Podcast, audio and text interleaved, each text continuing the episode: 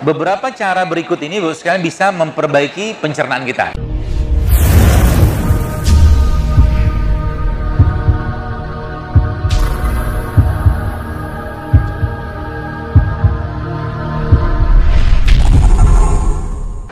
Yang pertama, mulailah untuk mengurangi atau jangan sering-sering makan. Jadi ini beberapa cara, sembilan kurang lebih ya.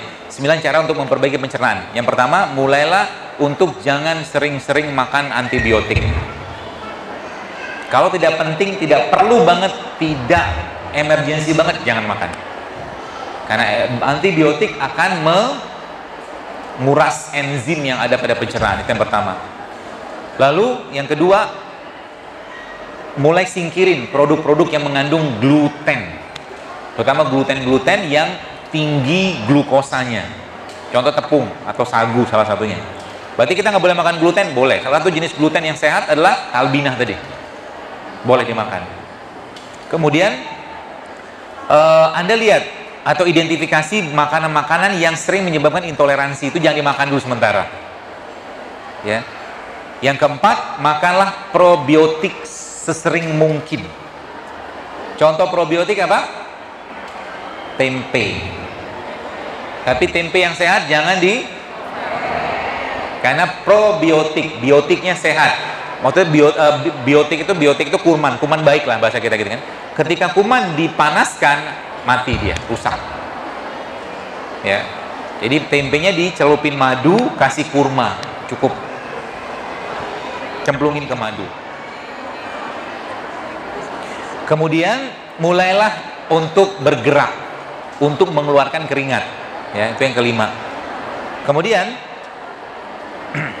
kalau Anda pengen makan protein yang sehat, sekarang banyak pilihannya. Tapi kalau Anda pengen makan protein ikan, kalau pengen makan protein ikan dari ikan, maka saran saya jangan makan pempek. Kenapa? Boleh nggak makan pempek? Boleh, nggak dilarang. Tapi pempek kan ada sagu, ada tepungnya gitu loh. Jadi kalau butuh protein ya makan ikan. Ikan bisa kita olah dengan berbagai macam cara. Sebaiknya juga ikannya jangan di Kenapa jangan digoreng? Karena kita sudah banyak lemak. Gitu. Kan banyak kan banyak cara untuk tidak digoreng kan? Banyak.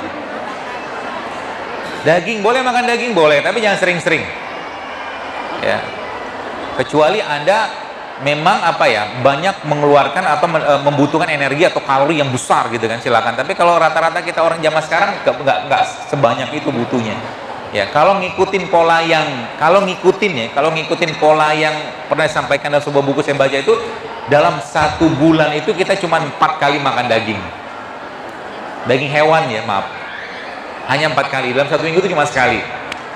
Ya, sisanya protein dari nabati cukup insya Allah. Kalau ada yang tanya, dokter nanti kalau kami nggak makan daging, badan kami nggak gede. Gajah makan apa?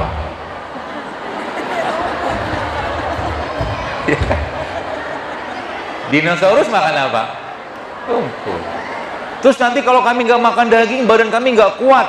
Itu banteng. Makannya apa? Makan daging nggak? Ya. Makanya kalau mau long apa endurance-nya lebih lama, memang salah satu caranya kurangi makan daging. Ya. Coba Anda lihat singa waktu ngejar zebra kalau dibikin treknya agak panjang, singanya kan keletihan kan?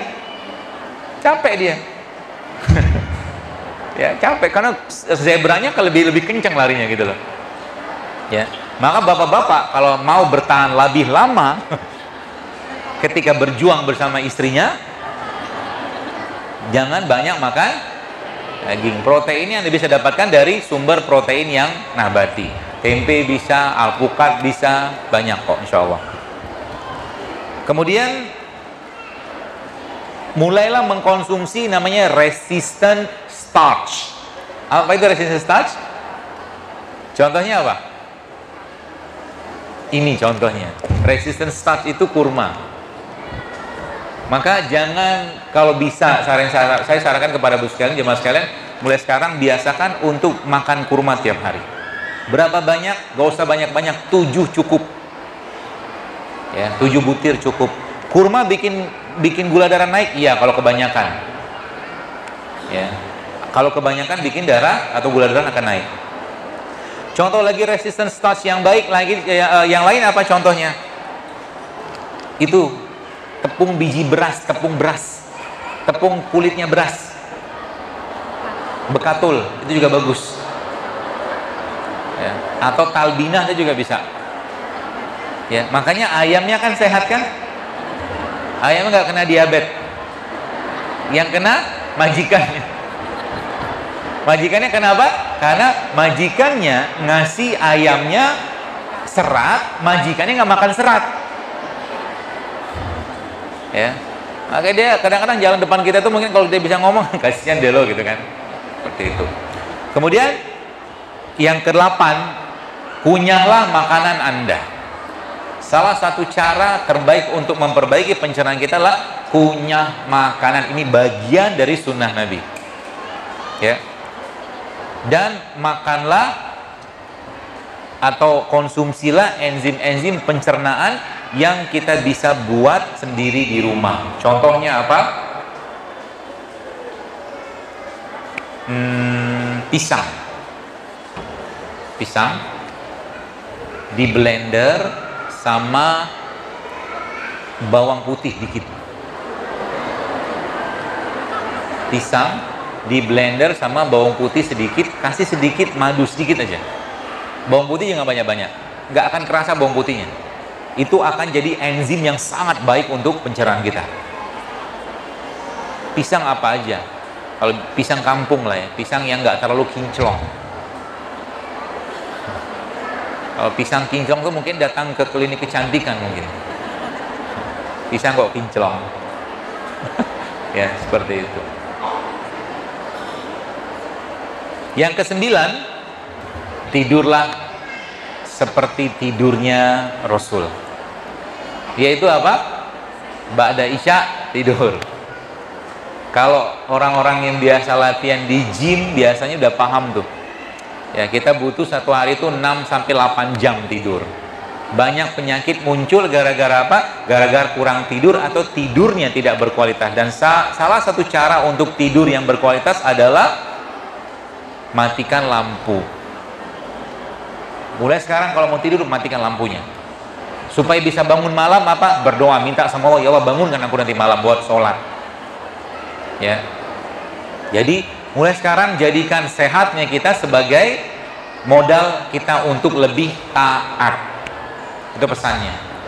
Jadikan sehatnya kita menjadi modal untuk lebih taat. Ya.